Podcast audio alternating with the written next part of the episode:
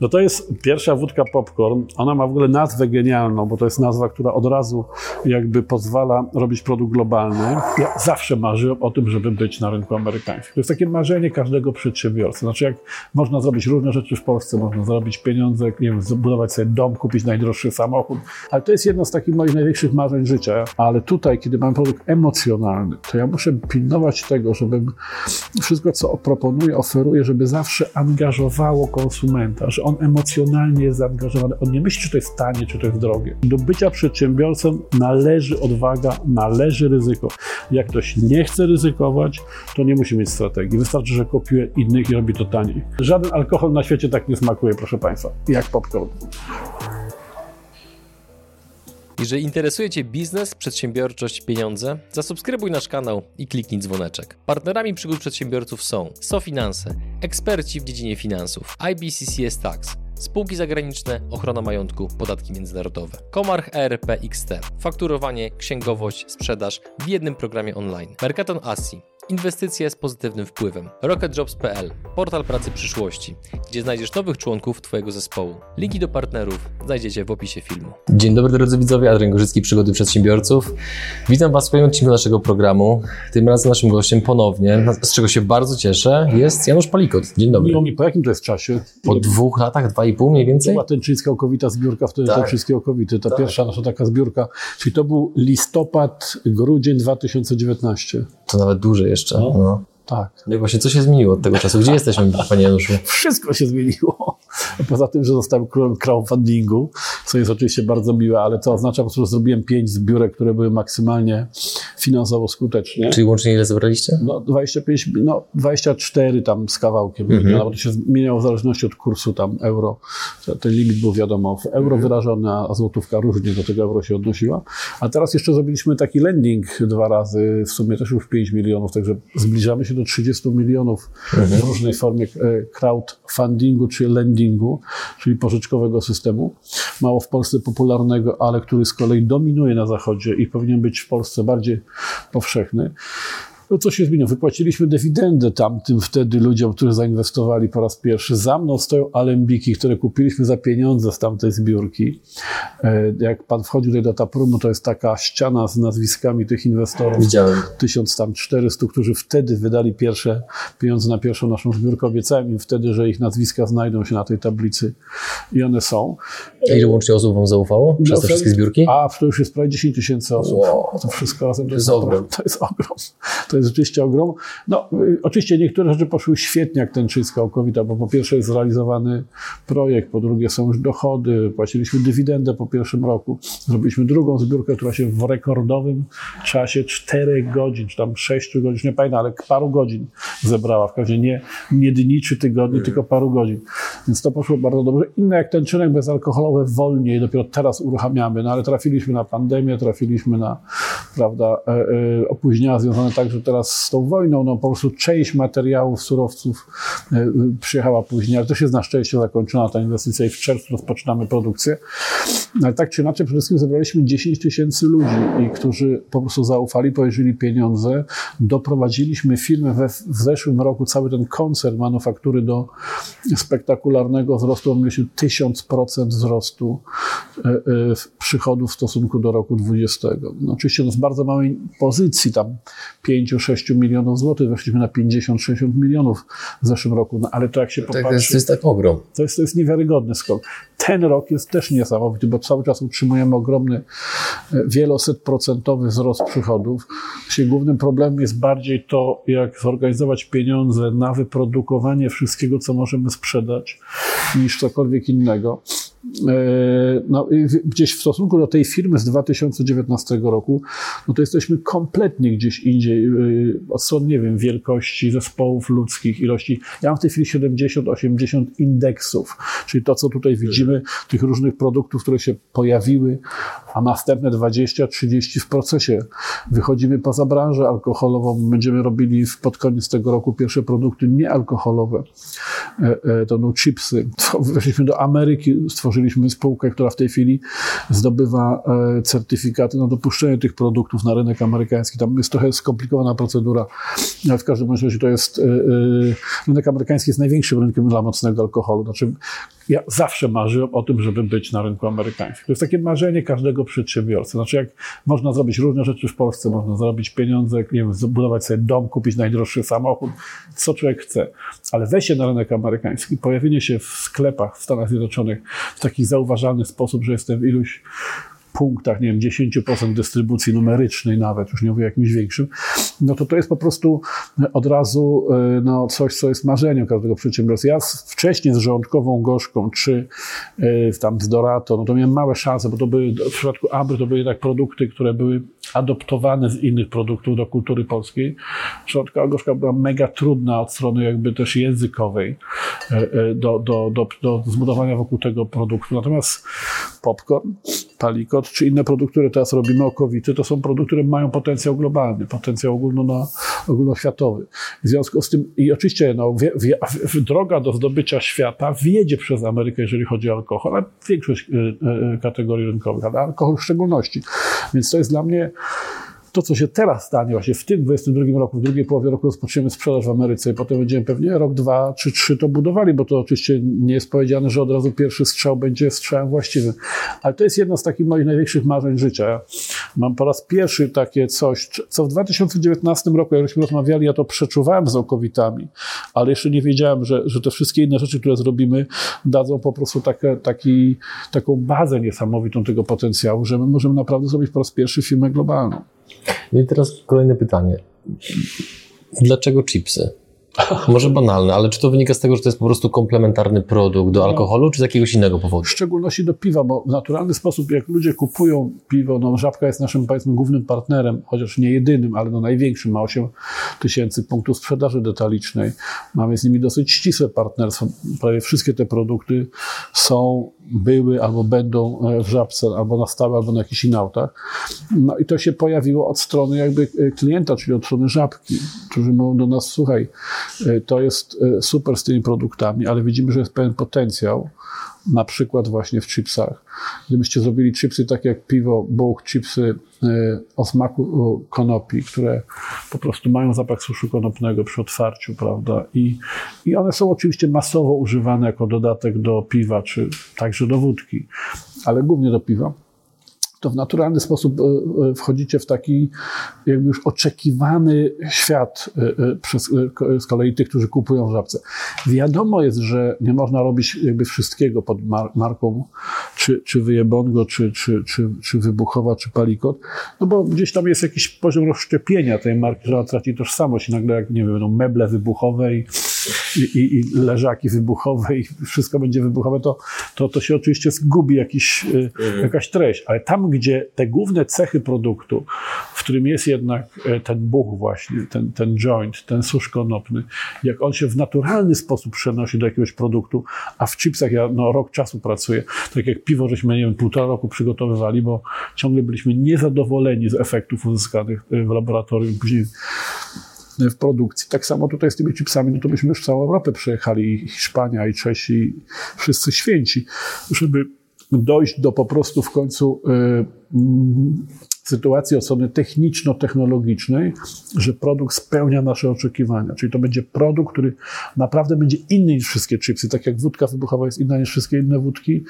wódka popcorn jest kompletnie jeszcze inna niż wszystko, co jest alkoholem. W ogóle przekracza jakby taką tradycyjną normę tego, co to jest alkohol. Jest słona, maślana, kukurydziana, więc no, wszystkie aromaty, smaki są po prostu jakby inne niż rynek alkoholu jakby normalnie absorbował no to, to w przypadku właśnie tych chipsów Bóg, jeżeli uzyskamy ten efekt, że to w cały czas jest doświadczanie czegoś trochę niedozwolonego, trochę takiego na zasadzie pewnej postawy społecznej, no to jesteśmy w domu. Ja przede wszystkim pilnuję tej jednej rzeczy, która jest moim zdaniem kluczem, dzisiaj do myślenia w ogóle marketingu, że musi, że produkty takie jak my, no bo co innego beton, cement, prawda, i te surowce różnego rodzaju, te commodity. Ale tutaj, kiedy mam produkt emocjonalny, to ja muszę pilnować tego, żebym wszystko, co proponuję, oferuję, żeby zawsze angażowało konsumenta, że on emocjonalnie jest zaangażowany. On nie myśli, czy to jest tanie, czy to jest drogie i jakoś tam myśli, ale to jest wtórne myślenie. On nie myśli, czy to jest skuteczne, czy nieskuteczne, dobrze pierze, prawda, gwarantuje ładną skórę, czy cokolwiek innego tylko czy emocjonalnie to jest dla niego po prostu to, co on chce przeżyć. I od pierwszego w ogóle jakby mojego produktu takiego masowego, czyli Piccolo, kiedy ten strzał właśnie z korka szampana był takim jakby tym czymś, że co wychodziło poza produkt. No, produkt jest butelka z bąbelkami. Pewnym rytuałem to było. Do dzisiaj jest. No właśnie. Ja uważam, że szukanie tego typu właśnie rytuałów, tego typu podstawowych emocji, w które my się wpisujemy z jakimś produktem. Ten dźwięk otwieranej puszki chociażby, który kojarzy się z orzeźwieniem dla przykładu. No właśnie, no to są, to są właśnie takie przykłady. Czy, czy Tesla jest samochodem? Pytanie wydaje się absurdalne, prawda? Zdaję specjalnie a propos nie, na, nie mojego produktu. Mhm. No tak, jest samochodem, bo jeździ. Ale czy sens tego produktu, jakim jest Tesla, wypełnia się w tym, czy on szybciej, wolniej e, jeździ?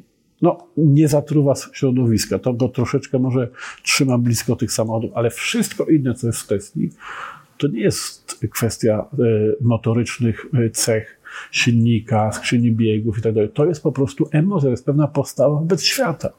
To się, co się udało Maskowi zrobić niesamowitego, on to przenosi na inne kategorie, że on po prostu nadaje im wszystkim barwy silne, emocjonalne. To jest samochód, ale to nie jest tylko samochód, to jest coś więcej niż samochód, to jest coś innego niż samochód, chociaż też mhm. samochód. I tam, gdzie robimy to samo z wódką, ubraniem, czy nie wiem, y, co, czymkolwiek innym, kursem, nagraniem, programem, prawda, gdzie wykraczamy poza pewną oczywistość tego, czym dana rzecz jest. Kurs marketingowy, produkt alkoholowy, moda i tak dalej. I dokładamy do tego pewną emocję. Ona się oczywiście zmienia, bo społeczeństwa mają swoje fazy, prawda? I czym innym jest dzisiaj jakby yy, zbycie społeczne w Polsce teraz, no, też w ciągu ostatnich dwóch miesięcy pod wpływem wojny na Ukrainie, a nie wiem, w latach 90. To są zupełnie inne emocje, więc to trzeba zawsze widzieć, jak to się e, e, e dzieje. Myślę, że my mamy tutaj największą kompetencję w tej dziedzinie, że my potrafimy jakoś złapać te, te, te emocje. No i potem je zamykać w tych produktach, za, za jakoś za, za podłączyć do, pod tą markę i trzymać je w, w tych produktach. No. Pozwolę sobie na chwilę wrócić do chipsów. Mhm. Czy chipsy są porównywalnym rynkiem do alkoholu? Mniejszym? Większym? To jest pierwsza część pytania. I druga, czemu chipsy, a nie na przykład paluszki? Więc y, y, rynek alkoholowy jest większy od rynku chipsów i to dużo większy. Oczywiście rynek alkoholowy, trzeba pamiętać, jest jakby napompowany wartościowo akcyzą. Czy udział podatków w wódce, mocnych alkoholach, ale w ogóle we wszystkich, w piwie i winie też, jest tak duży, no że to, to, gdybyśmy wzięli rynek alkoholu bez akcyzy, no to, to by się zbliżył do rynku chipsów. No ale niestety trzeba sfinansować te kilkadziesiąt procent czasami, albo kilkanaście procent w produkcie tej akcyzy, więc to powoduje, że to są wieloset miliardowe rynki. Natomiast w przypadku chipsów tego, tych podatków nie ma, więc to jest pewna podstawowa różnica. Druga rzecz, Y, chipsy, y, paluszki czy popcorn, no to są różnego rodzaju y, dodatki, takie właśnie e, e, znaki, których używamy jakby w kulturze dzisiejszej masowej, w kinach, na przyjęciach, na spotkaniach, na wyjazdach, na jakichś właśnie spotkaniach firmowych, one są już e, elementem takiego codziennego życia, nie wiem, jak guma do rzucia, jak tankowanie samochodu, tak samo te, te, te chipsy, czy popcorn, czy, czy paluszki do tego dochodzą. Myśmy jakoś uznali, że, że chipsy Buch mają taką przez bardzo bliskość do piwa Buch, czyli do tego naszego pierwszego produktu, który jakby w pewnym sensie zawłaszczył kategorię piw suszem konopnym. To jest jakby ikona, tak jak nie wiem, Adidas jest ikoną buta sportowego, czy Xerox, Xerox jest Xero kopii, prawda, ikoną. I są takie przykłady, jakaś pierwsza firma wchodzi. Na przykład Pampers Pielucha. No Pampers, i to wszyscy uważają, że to już jest Pampers. A to wiadomo, nie jest Pampers, bo tych firm jest, są setki. Łącznie z naszymi to, zakładami opakowań sanitarnych, nazwa nie marketingowa, ale świetna firma, która ma ogromny tak. udział w europejskim e, no, rynku tych wszystkich higienicznych e, materiałów. Więc no, e, tu nam się z tym buchem udało jakby nazwać kategorię. Mi się wydaje, że to będzie procentowo już nigdy ktoś, kto powalczy z nami, nie zajmie istotnie więcej niż 10-15% rynku, bo lider jak jest silny, i wyznaczy terytorium i to jakby opanuje, to on jakby no, ma tą premię, czy tą taką palmę pierwszeństwa i powodując, powodującą to, że każdemu następnemu jest jakby trudniej go przebić, bo on się już musi zmieścić w tych granicach, które wyznacza ten lider, ten pierwszy produkt. No i ponieważ to, to piwo buch jest bliżej do chipsów niż do popcornu czy do e, paluszków, to było takie, takie rozumowanie. Ale też wynikało trochę jakby z tego, no, Żabka, trzeba powiedzieć, jest bardzo nowoczesnym sklepem. Chyba najlepiej zarządzanym w Polsce, trzeba, trzeba też to jednak wyraźnie zaznaczyć. Oni mają z tego rynku amerykańskiego przeniesione tak precyzyjne powiedziałbym, interwały zarządzania półką w sklepie, emocją konsumenta i różnymi rzeczami, że ja się na przykład od nich bardzo dużo uczę.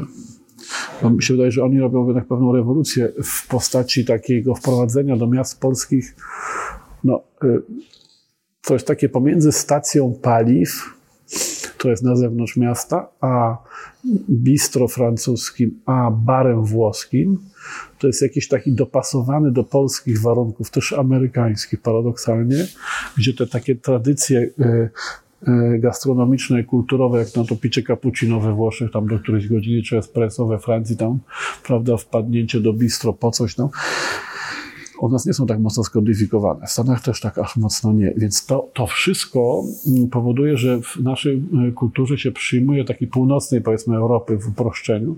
Przyjmuje się pewien taki model, który jest takim miksem tego, tej stacji paliw jeszcze z lat 60. w Ameryce i lat 90. w Polsce i e, tego właśnie bistro i baru włoskiego i oni to jakoś to adoptowali do naszych warunków i to jest taki sklep, do którego się wpada. Oczywiście nie idzie się tam na zakupy przed świętami czy i tak dalej, ale się tam wpada. Co więcej, jakby cała koncepcja jest nastawiona na to, tego sklepu, żeby to wpadnięcie od razu spotkało się z pozytywną odpowiedzią, że tam coś cię zaskoczy, czego gdzieś indziej nie ma, coś innego. Tak duży udział e, w związku z tym e, tych produktów na wyłączność, prawda, czy jakichś formatów nietypowych, zwłaszcza małych w przypadku żabki. No powiedzmy, Dino jest po stronie dużych formatów, bo jest w terenach wiejskich, małomiasteczkowych i tam kupuje więcej, bo jest taniej wtedy na jednostkę, a żabka jest w dużych miastach, w centrach, na ulicach, wszędzie, bo wpadam pod wpływem emocji chwili, żeby tam wypić to 0,33, nie muszę mieć 0,5 litra, prawda? Piwa czy czegokolwiek innego.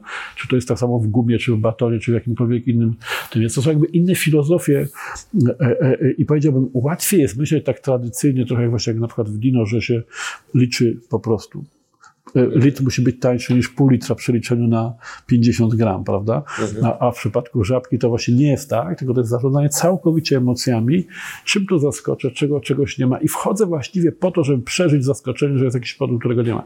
No, rozwinąłem się z tym wszystkim, żeby pokazać, jak bardzo myśmy od 2019 roku do dzisiaj y, po prostu jakby dojrzeli jako organizacja, w sensie też i danych marketingowych i mamy tak zwany geomarketing, no rzadko w Polsce stosowany, czyli prowadzenie widzenie e, klienta, który już jest w okolicy sklepu, wiem z różnych aplikacji, których on używa, że on jest blisko sklepu, żeby go wtedy jakby zachęcić, żeby poszedł do sklepu, a jak już pójdzie do sklepu, żeby tam poszedł do naszych produktów. Więc tego typu rzeczy, które jeszcze nie wiem, no 5 lat temu, a już na pewno jak ja prowadziłem Polmos Lublin i Ambre, czyli 20 lat temu, to były w ogóle nie do pomyślenia. Nie do pomyślenia. To dzisiaj ta, ten poziom jakby oddziaływania na konsumenta jest niesamowity. Mnie kiedyś szokowało, jakbym po raz pierwszy we Francji, ktoś mnie zaprowadził do dużego takiego domu, towarowego. Staliśmy za takim pulpitem, tam nie wiem, kilka tysięcy ludzi, gigantyczny Auchan czy coś takiego, czy Carrefour taki wielki.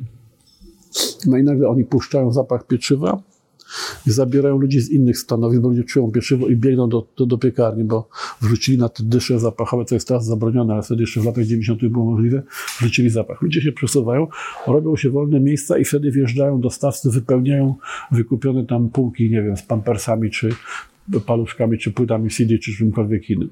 Potem jak widzą, że jest za dużo ludzi na w piekarni w tym miejscu, a trzeba ich z powrotem cofnąć, bo tam już zaopatrzenie dojechało, wypełniło półki, no to robią, ogłaszają promocję trzy płyty w cenie dwóch płyt albo dwa razy rojstopy za jedne i tak dalej. I już widzę, jak w tej piekarni ludzie, którzy dostają zapachu pieczywa, a dostają bodziec tutaj, że coś się stanie do kupienia, jak się przesuwają gdzieś indziej.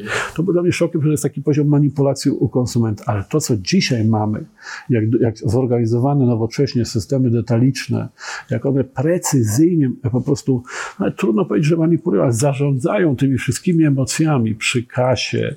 Wiadomo, gdzie wzrok się zatrzyma najczęściej, jak kasjerka bierze kartę, na co patrzy i tak dalej. To wszystko jest precyzyjne precyzyjnie ustawione, pomyślone, zoptymalizowane, żeby wciągnąć kogoś w tą transakcję.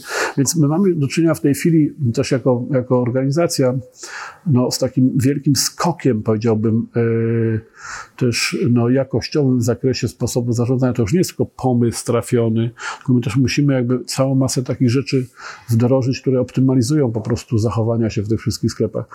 Znaczy, długa droga jeszcze przed nami, bo jesteśmy sobie wciąż no, kilkuletnią firmą, ale mm, ten rok będzie zresztą kluczowy, bo poza wszystkim innym zrobimy jeszcze e, wielką tokenizację. To będzie pierwsza tokenizacja z Polski ogólnoświatowa. E, Powoli taki projekt nazywa się Skarbiec Alkoholu i który z alkoholu Palikota, sygnów marketingowych oczywiście, gdzie będziemy jakby namawiali ludzi, żeby z nami zainwestowali w alkohol na 10 lat starzenia, pod taką przyszłą starkę, przyszłą whisky i tak dalej. I chcemy te tokeny wiążące się z różnymi prawami do takiego starzejącego się alkoholu emitować właściwie głównie poza Polską. Bo to, cośmy do tej pory zrobili, te pierwsze dwie tokenizacje od PW21 od PW22 jako Tęczyńska, Okowita, whisky właśnie polską, no to E, no to były powiedzmy wielomilionowe, ale milionowe w ramach kraju zrobione e, e, emisje. Natomiast teraz 200 milionów wartość tej emisji, którą szykujemy w tym roku na rynek międzynarodowy. Skąd przekonanie, że Wam się uda na rynku międzynarodowym? I żeby było jasne, moje pytanie absolutnie nie sugeruje tego, że to się nie uda. Ja trzymam kciuki, żeby tak było. Niemniej wyobrażam sobie, że wielu potencjalnych chociażby inwestorów może zadać sobie pytanie, no dobrze, Panie Januszu, no, w Polsce jesteście mocni, mocni jest Pan, jest Kuba Wojewódzki, jest szereg innych osób, które Wam pomagają. Natomiast no, międzynarodowo pytanie, czy to będzie to samo przełożenie, bądź jaki macie generalnie pomysł na właśnie zagranicę? Tak, więc po pierwsze zacznę od tego, że jest bardzo modne w tej chwili inwestowanie w tak zwane kryptowaluty i też tokeny. To jest w ogóle modne, to się, ta moda się może skończyć, ale jest modna. Bardzo wielu ludzi jakby w obliczu różnych wątpliwości wobec tradycyjnej ekonomii, prawda, nieruchomości, nie wiem, oszczędności w bankach, nawet, nawet giełdy, po prostu ludzie nie są przekonani, czy te instrumenty są dostatecznie dobre w takim rozchwianym świecie. Natomiast to, co zapewnia im technologia blockchainu, zdecentralizowane zarządzanie tym procesem, że tam nikt nie manipuluje, nie gra żadna giełda, rada giełdy, KNF czy ktokolwiek, nie gra na jakieś zwyżki czy zniżki, bo to jest zdecentralizowane. Ludzie wcześniej to uwierzyli i nawet jeżeli wydają niewielkie pieniądze, no to jeżeli jest, nie wiem, miliard inwestorów i wydają po 10 dolarów, to jest 10 miliardów, prawda? Więc to przykład takiego sushi coin, czyli monety, która no, nazywa się w sposób zabawny, śmieszny pieniądz sushi, ale na tyle jest to jakby atrakcyjne, że bardzo wielu ludzi wydaje po parę dolarów, a to tworzy w skali po prostu roku przez miliony takich transakcji no niewiarygodne pieniądze, które napływają do tego systemu. Więc jest, jest po pierwsze moim zdaniem bardzo dobra koniunktura w tej chwili. Czyli ja liczę też na to, że część ludzi zainwestuje, bo jest fajna oferta. Na czym polega fajność tej oferty? Po pierwsze na to, że jesteśmy pierwszą z Polski taką ofertą, bo jest wiele ofert z różnych tradycyjnych już dla tych rynków azjatyckich, czy prawda, arabskich, czy amerykańskich, a z Polski takiej dużej oferty międzynarodowej jeszcze no, nie Skala jest naprawdę imponująca. No więc to, to będzie po prostu oznaczało, że e, ludzie się temu przyjrzą. Polska jako producent alkoholu, szczególnie też właśnie wódki i mało znanej wódki starzonej, w sytuacji, kiedy w ogóle jest moda na starzony alkohol, no ma jakąś unikatową po prostu kompetencję. Jak pan pojedzie do Stanów Zjednoczonych, to pan wszędzie spotka Chopina, wódkę, wyborowa jest w większości krajów na świecie. No jest ileś po prostu elementów, które składają się do tego, że my mamy dobrą reputację. Teraz wchodzi firma, która jako pierwsza powoduje i, i oferuje nowoczesne sposoby inwestowania w alkohol, w którym Polska jest wiarygodnym producentem.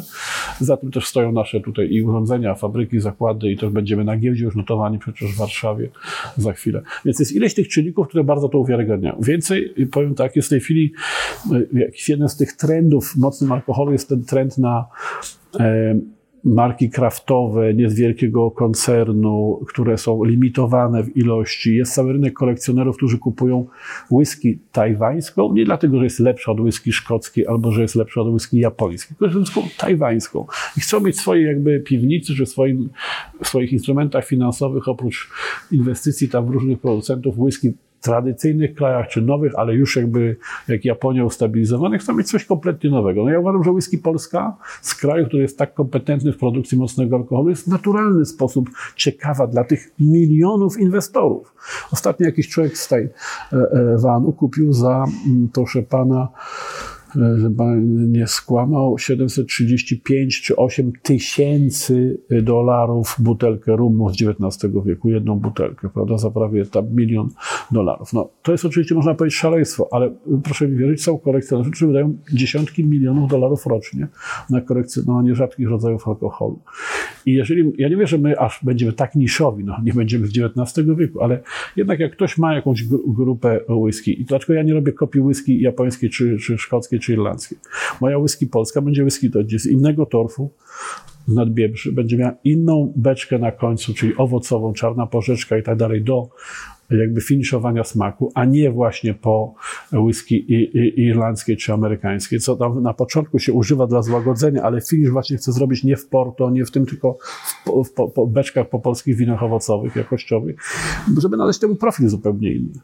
Ludzie będą wiedzieli, że to smakuje inaczej niż whisky szkocka, inaczej niż whisky irlandzka, chociaż jest zrobione tak samo, trzy lata w beczkach, ale beczki inne, a torf inny, a dymienie czymś innym i to w końcu daje inny profil. Jak mam inny profil, to przy tak gigantycznym gigantycznym rynku, jaki w tej chwili jest, zwłaszcza w tej sytuacji, kiedy mamy sprzedaż bezpośrednią, która jeszcze kiedyś była nie do pomyślenia, a więc sprzedaż, że, że ja w zasadzie nie potrzebuję pan gigantycznego kosztu. Niech pan sobie wyobrazi, że ja mam rozwieźć moją whisky po wszystkich kontynentach świata prawda, zorganizować dystrybucję, merchandiserów, przedstawicielstwa handlowe, zarządzać tą całą gigantyczną infrastrukturą, którą musi zarządzać Pernod Ricard, Wyborowa, czy wszystkie te największe koncerny światowe. A ja dzisiaj mam sklep internetowy, ja mogę dostarczyć do Chin, do, taj, do Tajwanu po kosztach oczywiście dostawy, ale ja nie wchodzę w to wszystko. I nie Cały ten łańcuch. I mam tego wielkiego problemu, że taka butelka drogiej whisky z Polski w jakimś sklepie w Singapurze będzie stała miesiąc, dwa albo trzy, hmm. zanim ktoś ją kupi. Tylko ona stoi sobie u mnie tutaj w piwnicy dojrzewa. Jak jest zamówienie, ja ją butelkuję, wysyłam i tak dalej. Więc to jest absolutna rewolucja, która się dokonała od strony właśnie, w pewnym sensie pandemia, trzeba powiedzieć, na korzyść COVID-u. COVID nam pomógł jakby od nowa ułożyć rynek. Mhm. I niesamowicie go zdemokratyzował. Dlatego, że wejście takich graczy jak ja do sprzedaży ogólnoświatowej, co się jeszcze nie zdarzyło, ale się za chwilę zdarzy, jest w najlepszej drodze, no byłoby 5 lat temu niemożliwe. A przez ten system w tej chwili e, bezpośredniej sprzedaży, tych e-commerce różnych sklepów, no to jest w zasięgu ręki. Trzeba mieć dobry produkt, fajną komunikację. Teraz tak, czy my będziemy mieli na Amerykę kogoś innego niż Kuba Wojewódzki? Tak. Mhm. Czy będziemy kogoś innego na rynek chiński niż Kuba Wojewódzki? Tak. Kim będą te osoby? A to się okaże za chwilę. Musiałem zapytać, przepraszam. To się okaże za chwilę. Oczywiście to muszą być ludzie, którzy są wojewódzkimi Ameryki, czy Chin, czy Japonii, prawda? No nie mogą być to ci sami ludzie, co tutaj, bo z Polski moglibyśmy Wałęsę wziąć, ale też pytanie, czy to nie już za późno, bo powiedzmy 20 lat temu to byłoby wciąż jeszcze nazwisko, które by w takiej Ameryce zrobiło robotę. A dzisiaj to już tak jest na pół gwizdka. No, trochę czasu upłynęło, chociaż ja bardzo kibicuję Wałęsie i uważam, że jest jednym z naszych takich dóbr narodowych, którego nie doceniamy i wokół czego się spieramy i kłócimy, ale jednak jeśli kogoś w Stanach Zjednoczonych dzisiaj znają poza Lewandowskim i Karolem Wojtyłą, to Wałęsę, prawda? Mhm. Więc to, to jest takie coś, co w świecie marketingu personalnego, jaki dzisiaj jest dominujący, no to jednak jest pewna wartość, o której myśmy się tutaj w Polsce jakby nie zatroszczyli. Ale anyway, to już jest za późno. Po prostu spróbuj. Dokładnie w ten sposób podejść do firmowego kanału YouTube. Daj sobie szansę sprawdzić, jak wiele korzyści zyskałbyś ty i twoja firma, gdybyście z naszą pomocą spróbowali rozwinąć wasz firmowy kanał YouTube. Kto wie, może się okaże, że ten prosty ruch spowoduje wiele korzyści dla waszej organizacji. Wejdź na Przygody TV i sprawdź, jak inni klienci oceniają pracę z nami i jej efekty. Wróćmy na chwilę do tych inwestorów, których już wokół siebie macie. 10 tysięcy osób to jest Pokusiłbym się o hipotezę, że prawdopodobnie w historii kapitalizmu w Polsce nikt nie zgromadził tylu ludzi wokół jakiegoś projektu, którzy powierzyli swoje pieniądze. I to jeszcze nie w dodatku nie są żołnierze wyklęci, ani armia krajowa, tylko po prostu inwestorzy. No i teraz właśnie, gdybyśmy mogli troszeczkę spojrzeć od strony kulis na to wszystko. Czego pana, no bo pomimo tego, że pan już rozpoczynając e, crowdfunding, miał za sobą gigantyczne doświadczenie biznesowe, no to jednak, przepraszam, powiem wprost, wchodził Pan w totalnie nowy obszar. Bardzo intensywne wykorzystanie nowych instrumentów finansowych, technologii, zbudowania społeczności inwestorów w rekordowo krótkim czasie. Czego Pana nauczył proces zbudowania tak gigantycznej struktury ludzkiej inwestorów wokół projektu?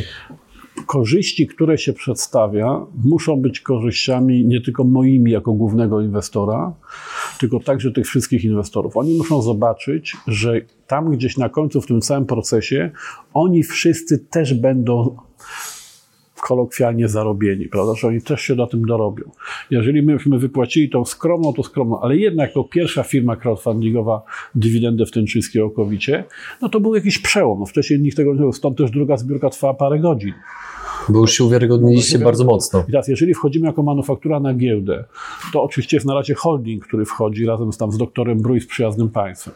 Ale wszyscy inwestorzy w Tęczyńskiej Okowicie, czy w Tęczyny Bezalkoholowej, czy w innych naszych spółkach, oni w ciągu tam następnych miesięcy, roku czasu, to będzie trochę zależało nie tylko od nas, od Rady Giełdy, od KNF-u, od wszystkich tych instytucji, ale sukcesywnie będą kolejne te grupy inwestorów dostawały ofertę zamiany ich akcji, na przykład w Tęczyńskiej Okowicie, na akcje w manufakturze. I to będzie oczywiście oferta, gdzie oni już zarabiają w momencie samej zamiany. Czyli w stosunku do ceny, po której przejmowali e, akcje w Tęczyńskiej Okowicie, ta wymiana będzie już dla nich oznaczała przynajmniej 50 plus. I to jest dobrze. Znaczy, że oni już na tym zarabiają. A teraz dalej spółka ma perspektywy znów zarabiania, więc jeszcze mogą znów zarabiać. Więc jeżeli ja to teraz, e, co już zapowiedziałem, i wykonam w ciągu tego roku, dwóch e, najbliższych i będzie ta grupa kilku tysięcy, pewnie nie wszyscy się zdecydują i tak dalej, no różne są Oczywiście. powody, prawda, ale Zakładam, że większość jednak się zdecyduje na posiadanie tych walorów płynnych właśnie w spółce głównej. W związku z tym ci ludzie będą mieli płynne aktywa, na których zrobią pieniądze. To mi buduje taką niesamowitą jakby mm, sytuację, w której ja wiem, że ja do tych ludzi, jak ja powiem, jutro kupujemy fabrykę w Stanach Zjednoczonych i potrzebujemy zebrać 100 milionów na nasz wkład, żeby resztę dołożyły instytucje finansowe, to my to zbierzemy po prostu, e, e, ma, mając, ja jakby prowadzę to wszystko po to, żebym nie był uzależniony od systemu finansowego, jak przyjdzie do jakiejś dużej rozgrywki, hmm. bo ja bym sobie z tymi milionami tutaj poradził jakoś tak czy inaczej. Chociaż trzeba powiedzieć, że ci inwestorzy to nie są tylko konsumenci. To nie są tylko jakby konsumenci inwestycyjni, to są też prosumenci, czyli oni kupują akcje w tych spółkach, a potem kupują te produkty. I online'owo, i w tych naszych sklepach. Więc już nie mówiąc o tym, że są też niesamowicie aktywni w mediach społecznościowych. Czasami mają jakieś pretensje, że coś trwa za długo. To się zdarza. Przy ale, takiej skali ciężko wszystkich zadowolić. Wiadomo, ale, ale generalnie 90% z tych ludzi jest zachwyconych tym, że to się tak rozwija i oni reklamują, robią zdjęcia na święta, na różne okazje z naszymi produktami.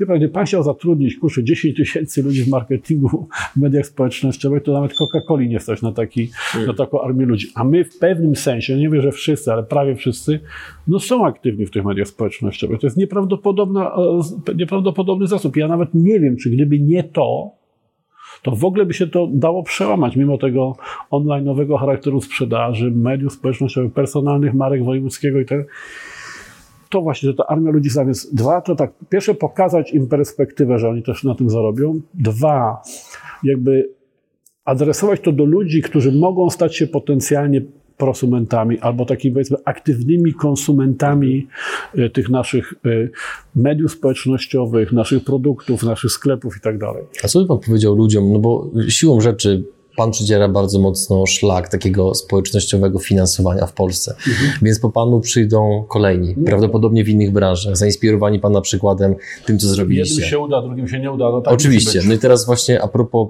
pana doświadczeń, pana obserwacji, pana wniosków. Czego należy pilnować szczególnie w procesie budowania społeczności inwestorów wokół projektu, aby zwiększyć szanse powodzenia? No po komunikacja jest kluczem. Znaczy trzeba naprawdę, nie wtedy, kiedy jest jakiś kryzys, że coś się opóźniło, tylko wyprzedzając to wszystko, e, i też jakby, no, żeby się nie dowiadywali, że my wchodzimy na giełdę, że tak powiem, z gazet, tylko też z komunikacji od nas, no, żeby się dowiadywali o, o naszych nowych produktach jako pierwsi, a nie, że dopiero zobaczą to w żabce, że coś nowego wyprodukowaliśmy. Te wszystkie elementy związane z komunikacją, na, oczywiście, no wiadomo, że się nie da codziennie, bo to jest niemożliwe, ale jednak regularna komunikacja, to jest jakby y, specjalne platformy tam inwestorów tęczyńskiego i to, to jest bardzo ważne. Druga sprawa to jest taka, tam gdzie powstanie jakiś rodzaj napięcia, żeby też nie unikać konfrontacji. To jak w każdym takim kryzysie PR-owym jest potrzebne natychmiastowe wyjaśnienie, bo czasami ktoś coś źle zrozumie, no po co pan robi to czy tamto, przecież mieliśmy robić coś innego. No. Mhm. I to nawet nie ma w tym nic złego, tylko po prostu no, miał jakieś założenia, że to będzie w tą stronę, a nie w tą stronę i koniec. I trzeba się z tym zmierzyć, że to jest inne niż jego wyobrażenia, trzeba to wytłumaczyć, wyjaśnić, spróbować przekonać. Jeżeli też e, jest jakaś czasami sytuacja, że ktoś musi sprzedać akcję wcześniej, bo no, sytuacja życiowa, no, jakaś choroba w rodzinie czy coś, trzeba pomóc mu to załatwić. Po prostu trzeba być blisko tych też takich realnych, codziennych potrzeb. Znów wiem, że to się czasami nie da z dnia na dzień, bo mamy wszyscy masę spraw. Ma pan ileś tam tysięcy tych inwestorów, w naszym przypadku aż 10 tysięcy, ale wystarczy mieć tysiąc inwestorów. To już jest ogromna liczba ludzi do takich relacji inwestorskich, do komunikacji i tak dalej. No ale trzeba to po prostu robić najszybciej, najsprawniej, jak tylko się da. Miałem jeszcze jedną rzecz a propos tego. Czy doświadczył pan czegoś, o czym mówi wiele osób, które się albo pozyskują crowdfunding, albo się tokenizują, że ta siła społeczności nie polega tylko i wyłącznie na samym marketingu, kupowaniu produktów, dobrym PR i tego typu rzeczach, ale często też jest tak, przynajmniej tak deklarują osoby, że po to budują społeczność, że społeczność bardzo często otwiera różne drzwi, podsuwa różne pomysły. No. Czy doświadczył Pan tego tak naprawdę realnie, namacalnie, że te 10 tak. tysięcy osób wykonało pewną pracę albo połączyło Was z kimś, otworzyło jakieś drzwi, które były realną wartością dla biznesu? No, dostaliśmy oferty innych dostawców kartonów, innych dostawców etykiet, innych dostawców suszu konopnego. Pewnie byśmy na tych ludzi być może i tak trafili, po prostu ogłaszając się, że być szukamy. Może. No ale tutaj jak przyszło to szybciej, po prostu nawet nie zorientowaliśmy się kiedy, już od razu mieliśmy kilka propozycji do wyboru i niektóre wprowadziliśmy w życie. Czyli mamy tańsze niektóre Super. surowce czy materiały, niż mielibyśmy bez tego wszystkiego. Y, jeśli chodzi teraz o produkty, o taką jakby reakcję na y, to, czy na, to jest bezcenna ta reakcja. Bo my natychmiast mamy w komentarzach po wprowadzeniu nowego produktu, mamy całą masę, jakby zrobił takie badania jakościowe. Oczywiście trzeba tam wiedzieć, że to jest, są fani, więc oni są troszkę przekrzywieni w tych opiniach na plus, prawda, ale też na takie wysokie oczekiwania, prawda. Jakikolwiek kompromis już im się wydaje nie do przyjęcia, bo, bo są jakby z tego z rodziny, że tak powiem, prawda. Więc oczywiście trzeba to, filtrować, ale oni nagle ogromną ilość. No jak pan ma nagle kilkaset komentarzy, to ile pan musi zrobić badań jakościowych, żeby, żeby to y, wybadać? A to pan dostaje od ludzi po prostu, bo oni kupili, poszli do znajomych, to mi smakuje, nie smakuje. Mhm. Od razu wiadomo po prostu, czy to, czy to jest za drogie, za tanie, y, ładna butelka brzydka, to się jakby samo dzieje. To znów nie znaczy, żeby od razu na każdy sygnał krytyczny reagować, bo zawsze się znajdzie ktoś, komu się nie podoba ta czy inna butelka, czy nie pakuje smak, ale to jakby się wie, że jest fala za lub fala przeciw. E, coś się bardziej lub mniej w tym wszystkim nie zgadza i trzeba się tym zająć. Więc taka informacja zwrotna jest bardzo cenną rzeczą też na, no zwłaszcza na, na, na nowe produkty. I co jeszcze bym powiedział e, w tej sprawie? Mm, no to, to są takie dwie, dwie kluczowe rzeczy. Znaczy efekt e, e, dostarczenia nowych dostawców materiałów i surowców oraz szybka informacja zwrotna na temat nowych produktów. I teraz właśnie idąc dalej i pozostając przy nowych produktach, mm, jak się zapatrujecie na potencjalną, w bliżej nieokreślonym czasie, całkowitą legalizację konopi w Polsce? Bardzo. My jesteśmy za tym oczywiście, żeby nastąpiło. To ja już zawsze się tym zajmowałem, jeszcze jak byłem w polityce lata temu. Pamiętam. Marsze Wolnych Konopi, przecież to był jeden z moich sztandarowych programów. No, yy, co byśmy nie mówili, no, nie ulega najmniejszej wątpliwości, tylko uprzedzenia kulturowe powodują, że uważamy marihuanę czy susz konopny za, powiedzmy sobie, bardziej e, niebezpieczny niż tytoń, już nie mówiąc o alkoholu. No tak nie jest. No, to są dużo mniej e, e, niebezpieczne używki. Co więcej, one oswojone, niezablo, niezablokowane, niepozamykane, no to one po prostu y, no, ułatwiają czasami ludziom życie. No już pomijam takie przykładki jak, przypadki jak Kora Jaskowska, która po prostu no, była chora na, na raka i ona po prostu musiała palić y, y, jointy, żeby zmniejszyć sobie ból taki, taki właśnie fizjologiczny. No ale, ale jest bardzo wielu ludzi, którzy mają skłonności depresyjne, którzy mają jakby no, różne problemy same, sami z sobą, to im takie rzeczy pomagają. Ja na przykład nie używam, bo ja mam odwrotnie, ja muszę się stępić, prawda? Mam nadwyżkę po prostu mhm. E, kreacji, nadwyżkę jakby gonitwy myśli, spraw różnych i tak dalej. Nie potrzebuję się pobudzić, ale... Czy marihuana nie wycisza pana? Nie, nie.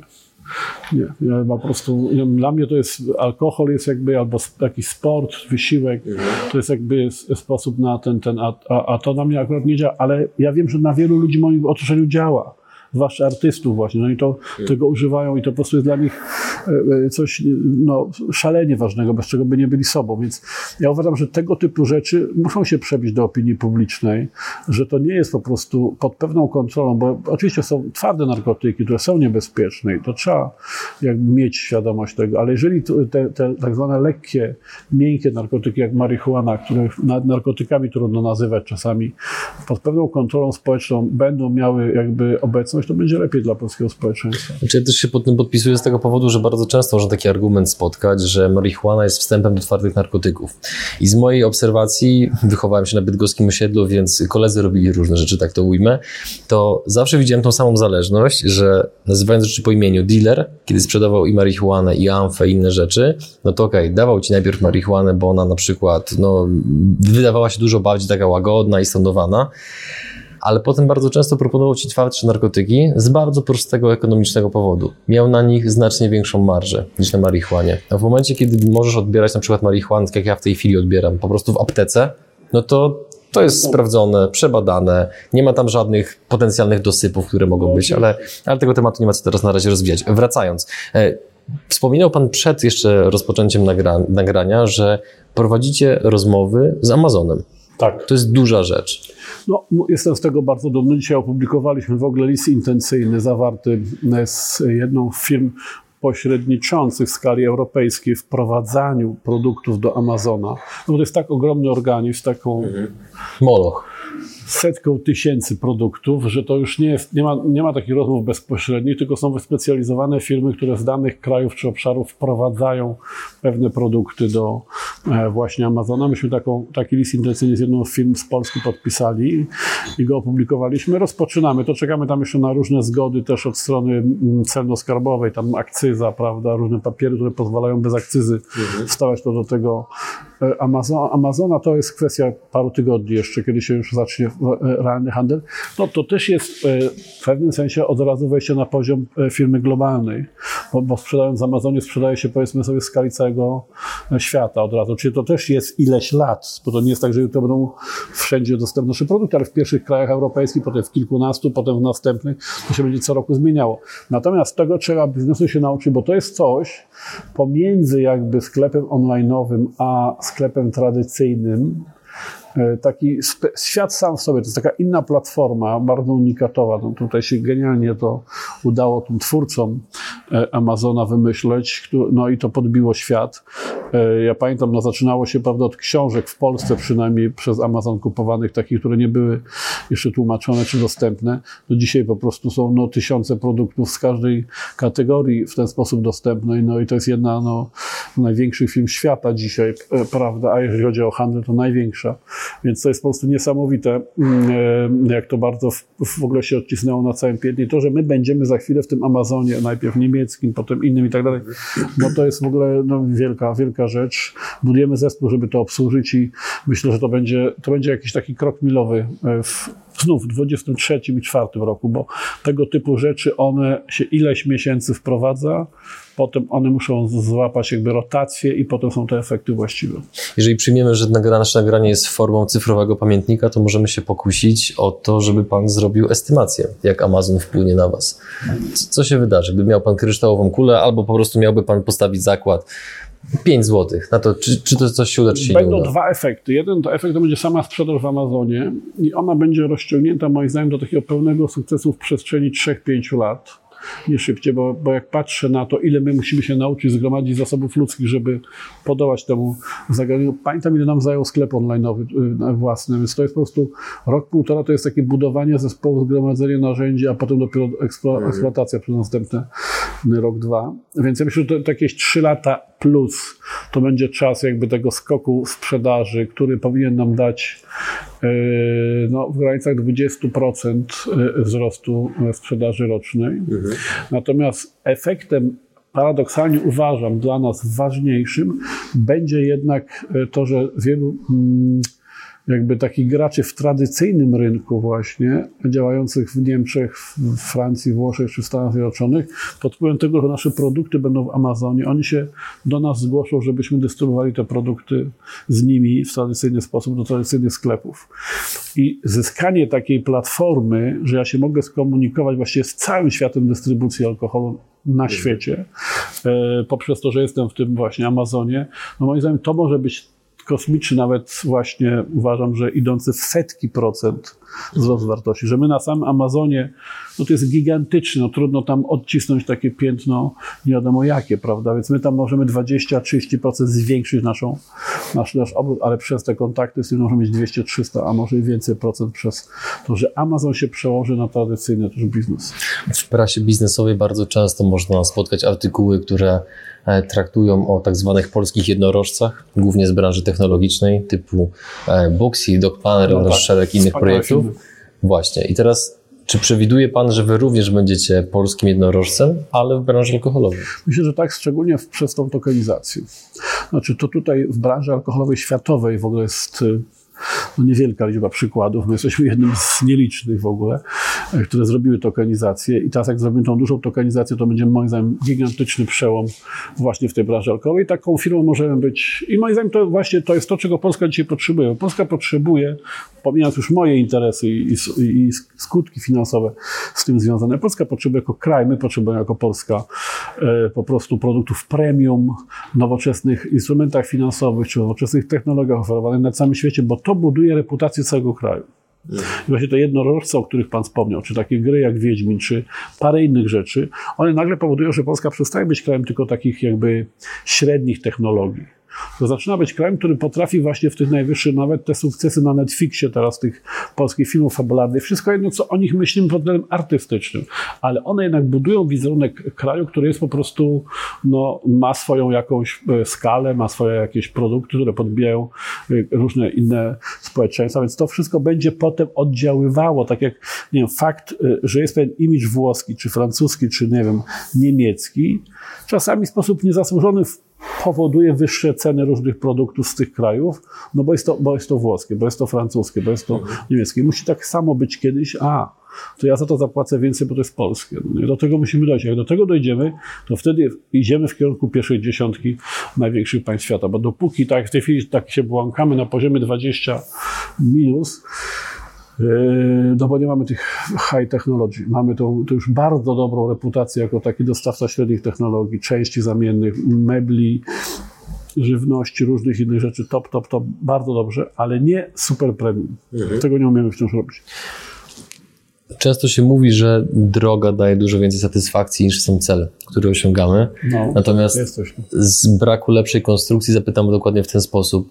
Gdzie jest biznesowy Mount Everest palikota? No, być w każdy, na każdym kontynencie, w każdym kraju z jakimś z tych produktów. Mhm. Jak tak będzie, tak jak dzisiaj, no nie wiem, wyborowa się o to ociera, czy Chopin, chciałbym, żeby wódka palikot, popcorn, czy wybuchowa, czy okowita była po prostu na każdym kontynencie, w każdym kraju, nie w każdym sklepie, bo to jest niemożliwe, ale po prostu, żeby człowiek mieszkający gdzieś w Azji, czy, czy w Ameryce Południowej, czy Środkowej mógł sobie to kupić, mhm. przynajmniej w największych miastach w tych, w tych państwach i na tych kontynentach. Kolejne pytanie jest trochę delikatne, więc proszę go nie odebrać jako okazanie braku szacunku czy cokolwiek takiego. Po prostu staram się wczuć w skórę potencjalnego inwestora, który może zapytać o różne rzeczy. Co się wydarzy, zadzieje z całym projektem, jeżeli na przykład panu coś się stanie, nieszczęśliwy wypadek? no to się generalnie zdarza w życiu. Tak. Już... Jestem ubezpieczony, ale to nie załatwia sprawy. Wiadomo. Oczywiście. Natomiast nie no, tutaj powstaje wspaniały team. Oczywiście pytanie jest, kiedy coś takiego miałoby się wydarzyć, dzisiaj, czy za rok, czy za dwa, ale tutaj ludzie, z którymi ja buduję ten, e, ten e, projekt, e, Łukasz Piłasiewicz, Przemek Bobrowicz, Tomek Nietubyć, Tomek Czechowski, Sebastian Jabłoński, bardzo wielu jeszcze innych ludzi na stanowiskach niekoniecznie kierowniczych, ale wybitych specjalistów, oni za chwilę, to jest jeszcze rok, dwa, trzy, będą tworzyli taką kadrę po prostu, która mm, no, będzie takim zbiorowym palikotem po prostu, bo ona rośnie z nami, przyjmuje coraz nowe kompetencje. Tak jak PayPal miał bardzo mocny skład. I to jest moim zdaniem, to jest co, co ja zawsze umiałem robić I, i wcześniej w biznesie, w Amrze i w Polmosie, potem w polityce miałem przecież 10 tysięcy członków w roku palikota. To też jest nieprawdopodobna skala, żeby tym mhm. jakoś zarządzać. I Wydaje mi się, że taki zespół tutaj powstaje, on jeszcze będzie 2-3 lata budowany, on będzie mógł mnie zastąpić, będzie nawet musiał mnie zastąpić, bo ja dzisiaj jeszcze dosyć szczegółowo angażuję się w różne sprawy, nawet produkcyjne w ten cyrku, już nie mówiąc o bo to oczywiste, ale przecież na razie mamy dwa zakłady, za chwilę będziemy mieli pięć zakładów produkcyjnych, na razie mamy je w Polsce, będziemy je za chwilę mieli w pięciu krajach. No więc nie da się tego już później tak szczegółowo analizować. To już musi być ktoś, kto za mnie to robi na tym poziomie. I oni też będą musieli mieć swoich ludzi do poszczególnych mhm. zakładów w ramach ich obszarów, prawda, zarządzania.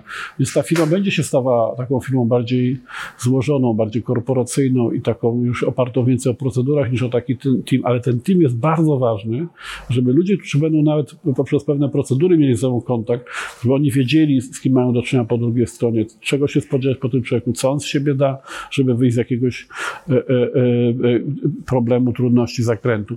Więc moim zdaniem to jest podstawowa cecha. No a poza tym są po prostu produkty, bo Czym innym by to było dwa lata temu, no to by wtedy by się prawdopodobnie nie udało.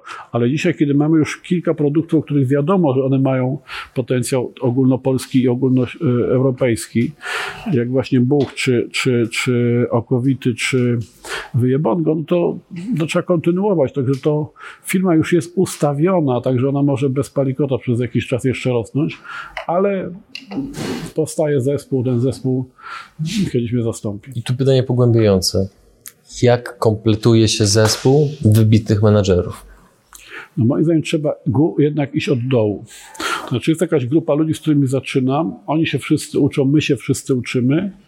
Dobrze jest, że ja tych ludzi awansuję na coraz wyższe stanowiska i coraz bardziej samodzielne stanowiska. Oni dorastają do tych stanowisk. A jeżeli nie dorastają? Czasami trzeba wziąć kogoś z zewnątrz. Poza tym czasami rozwój jest tak szybki, że nie wystarczy tych ludzi, którzy są na początku że trzeba się do, do, do, doposażyć zewnętrznymi.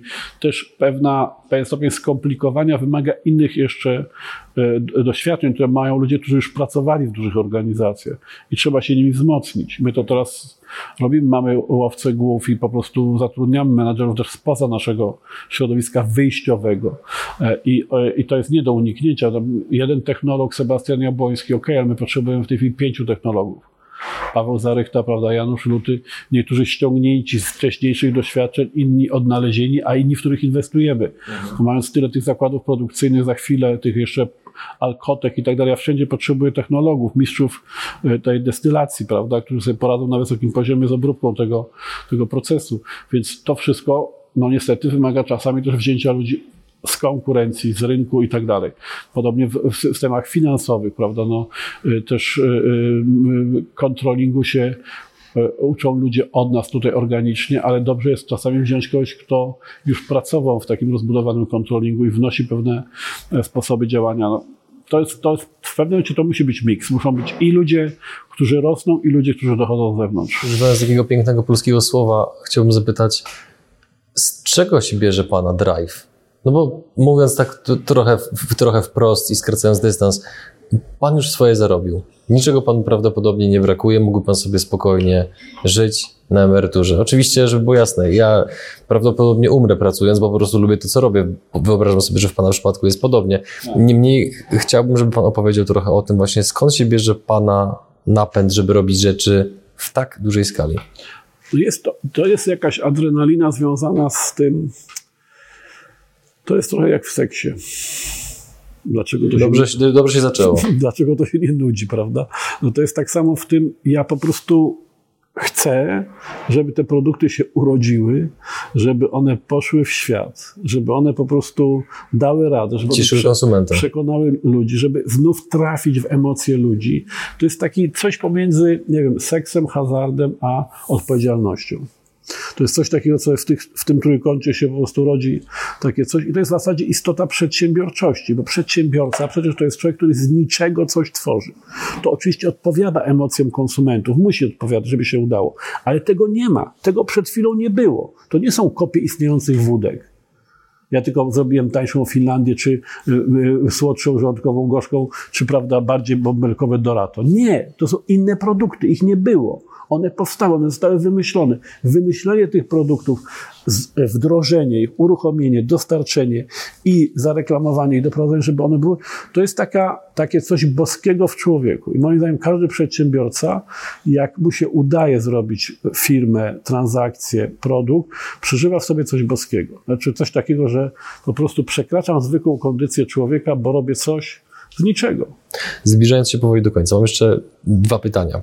Pierwsze dotyczy tego, że wy dla mnie jesteście pewnego rodzaju takim fenomenem a propos tego, jak precyzyjnie wy kreujecie produkty, odpowiadacie na potrzeby ludzi, tym bardziej, że tak jak Pan wspomniał, nie kopiujecie nikogo, nie naśladujecie. To jest dużo bezpieczniejsza ścieżka, bo ktoś już ją przetarł, wiemy, że konsumenci tego chcą. Nie ma nic złego w naśladowaniu. Oczywiście. I Zemi, jak jeden z największych kreatorów mody powtarzał, kopiuj tak długo, aż skopiujesz i będziesz lepszy od oryginału, a wtedy zrobisz coś tak, swojego. Picasso i Jobs też mieli na to, na to swoje zdanie. Natomiast na czym polega wasz fenomen, że wy potraficie tak precyzyjnie trafiać w usta konsumentów? Jak to robicie?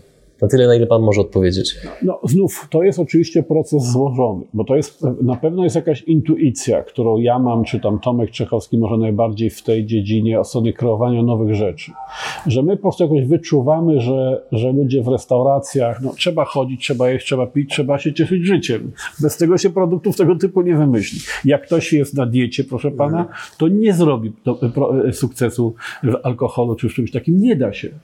Po prostu się, musi pan się, musi pan tą, mieć tą, tą, tą radość życia. I wtedy, jak widzi pan z innymi ludźmi, i dużo trzeba mieć tych spotkań, w różnych miejscach, w różnych restauracjach, w prywatnych domach, z różnymi ludźmi, i z cieślami na, na Podlasiu, i z dyrektorami banków w warszawskiej restauracji, która się specjalizuje we francuskich winach. Jak pan to wszystko przerabia w sobie i to się wszystko w panu kotłuje i mieli, to pan pomału widzi, co tam gdzieś się dzieje, co tam na horyzoncie się, się, się wita. To jest jakby intuicja, prawda? Ona jest doświadczenie 30 lat w moim przypadku, przypadku Tomek ma mniejsze doświadczenie, ma bardzo dobrą intuicję jakby z urodzenia.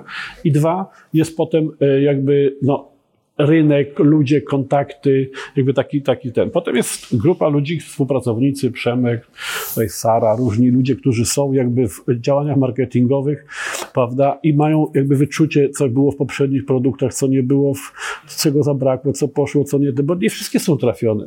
Większość, ale nie wszystkie. Przecież my umiemy się szybko zorientować, że coś to nie jest to i, i się z tego wycofać. Więc jest jakby y, korekta zespołu, prawda. Tutaj różni ludzie wchodzą od produkcji, od finansów, jedni to za drogo, drudzy, że za, za skomplikowanie, że nie tak się wyprodukować, że to jest zbyt coś tam, coś tam, coś tam. I to wszystko razem znów jest jakby taka druga faza, która przychodzi. No wreszcie są też niestety, czy nastety badania normalne, prawda? Czyli myśmy na początku, jak jeszcze e, przechodziliśmy jakby od piwa do mocnego alkoholu, to myśmy robili takie badania jakościowe. Pan za tym lustrem weneckim, pan stoi, pan widzi, jak ludzie mówią o piwie, o piwie bezalkoholowym, o tym, o tamtym. I pan, to, to, to są badania oczywiście jakościowo, one nie podają informacji, jak wielu ludziom będzie się to tak samo kojarzyło, ale jak pan uważnie słucha, ma pan doświadczenie, to gdzieś pan w tych formułach, które ludzie wy, wy, wyrażają, wy kryje jakiś rodzaj lęku albo jakiejś pewności, jakiegoś trendu, który wisi w powietrzu. No i to jest jakby trzecia rzecz, którą trzeba sobie nałożyć. No a wreszcie jest coś e, takiego, co się trochę nazywa szczęście. Jest w tym trochę szaleństwa. No. Nie, nie ma co. Trzeba powołać bardzo, znaczy do bycia przedsiębiorcą należy odwaga, należy ryzyko. Jak ktoś nie chce ryzykować, to nie musi mieć strategii. Wystarczy, że kopiuje innych i robi to taniej. A jak ktoś e, chce, chce i może i ma zdolność ryzykować i mieć odwagę, to pisze strategię, ona zawsze jest oparta o tym, żeby zarabiać więcej niż inni na tych samych produktach. I dlaczego mam to zrobić, to jest jakby element tej strategii. Ja ją muszę wziąć robię ją na całe życie, tak się ustawiam, zmieniam oczywiście plany taktyczne, techniczne, patrzę co rynek przyniesie, ale konsekwentnie wiem, że do końca życia będę robił alkoholek teraz już kraftowe, butikowe, a nie coś innego. I ostatnie pytanie. W naszym, naszej poprzedniej rozmowie na kanale Przygód Przedsiębiorców był taki wątek przez moment, kiedy rozmawialiśmy o tym, ile pan pieniędzy wydał, zainwestował bądź stracił na polityce, zależy jak patrzeć. E, I to była kwota, jak dobrze pamiętam, rzędu plus minus około nawet 20 milionów złotych. Czy patrząc z perspektywy czasu, nie ma pan takiego poczucia, że tak naprawdę to była pewnego rodzaju inwestycja, która zbudowała panu trampolinę do zbudowania potencjalnie miliardowej firmy? Mo mogę tak powiedzieć, że, że ja przed polityką nie miałem tych kompetencji społecznych, społecznościowych, prawda, a pewno medialnych, które, które się e, zbudowały. To, że świat w ogóle poszedł w tą stronę i że okazało się, że tego typu kompetencje są równie ważne, a może ważniejsze niż inżynieryjno-techniczno-technologiczno-finansowe. A na pewno co najmniej tak samo ważne. To, to, się, to, to jest też coś, czego w zasadzie w latach 90. ja nie miałem w głowie po prostu tak się świat nasz potoczył, a mi to doświadczenie z polityką pomogło jakby się w tym nowym świecie odnaleźć. Panie Nuszu, kończąc, y, korzystając z tego, że tutaj są między innymi Pana produkty, tak? chciałbym z Panem y, wypić i za to, żeby te wszystkie rzeczy, które Pan mówi, żeby się udały, kibicuję polskiej przedsiębiorczości i życzę temu, że, temu żebyście zbudowali miliardową firmę. To się najlepiej pije, bardzo łatwo, chociaż wszystkie te alkohole można pić w temperaturze pokojowej. Mhm. E, to jest takie najbardziej szlachetne, wyszukane. E, to jest z kolei nowość, to, to jest w ogóle, to jest dosyć trudne do picia, ale mhm. bardzo, bardzo oryginalne, bardzo ciekawe. Mhm. No to musielibyśmy drink zrobić, to, to, to nie będziemy pili bez lodu, e, prosecco, szampana i tak dalej. No to jest oczywiście degustacyjne. Pytanie... Znaczy powiedział Pan jedną rzecz, która do mnie trafia, bo ja zawsze wybieram rzeczy trudne, bo potem się podobno żyje łatwiej. Nie wiem, tak samo jest z alkoholem, ale gdybyśmy mogli na przykład to spróbować, to, ja bardzo to spróbujemy. No to jest pierwsza wódka popcorn. Ona ma w ogóle nazwę genialną, bo to jest nazwa, która od razu jakby pozwala robić produkt globalny. I yy, no, jak każdy popcorn. Właśnie pytanie, do jakiej pan szkoły należy, bo jedna szkoła jest francuska z cukrem i kukurydzą i masłem jako dominujące cechy popcornu i jest druga szkoła, ta tutaj powiedziałbym północna bardziej, czyli sól, a nie cukier dodajemy. Nie, nie, nie, sło, nie słodki popcorn, tylko słony popcorn. Pan woli słodki czy słony popcorn? Ja na pewno wolę bucha, a w tym przypadku to jeszcze nie wiem.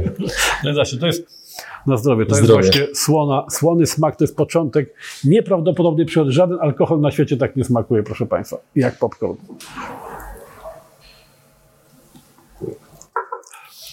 I finisz maślany, lekko kukurydziany, sól na początku. Widzi pan, ja generalnie raczej piję rzadko, a kiedy już piję, to umieram przeważnie. Spodziewa, spodziewałem się, że będzie dużo y, gorzej, mówiąc wprost. Jest bardzo no bo on jest, typowe. on jest bardzo zrównoważony, alkohol jest schowany, przyjemnie się to pije, mimo temperatury nie trzeba zagryzać, popijać i tak dalej. No właśnie, nawet, nawet nie chciałem sięgnąć po to. Nie, bo to wszystko samo wchodzi. To jest zresztą najbardziej niebezpieczne w tym, co robimy.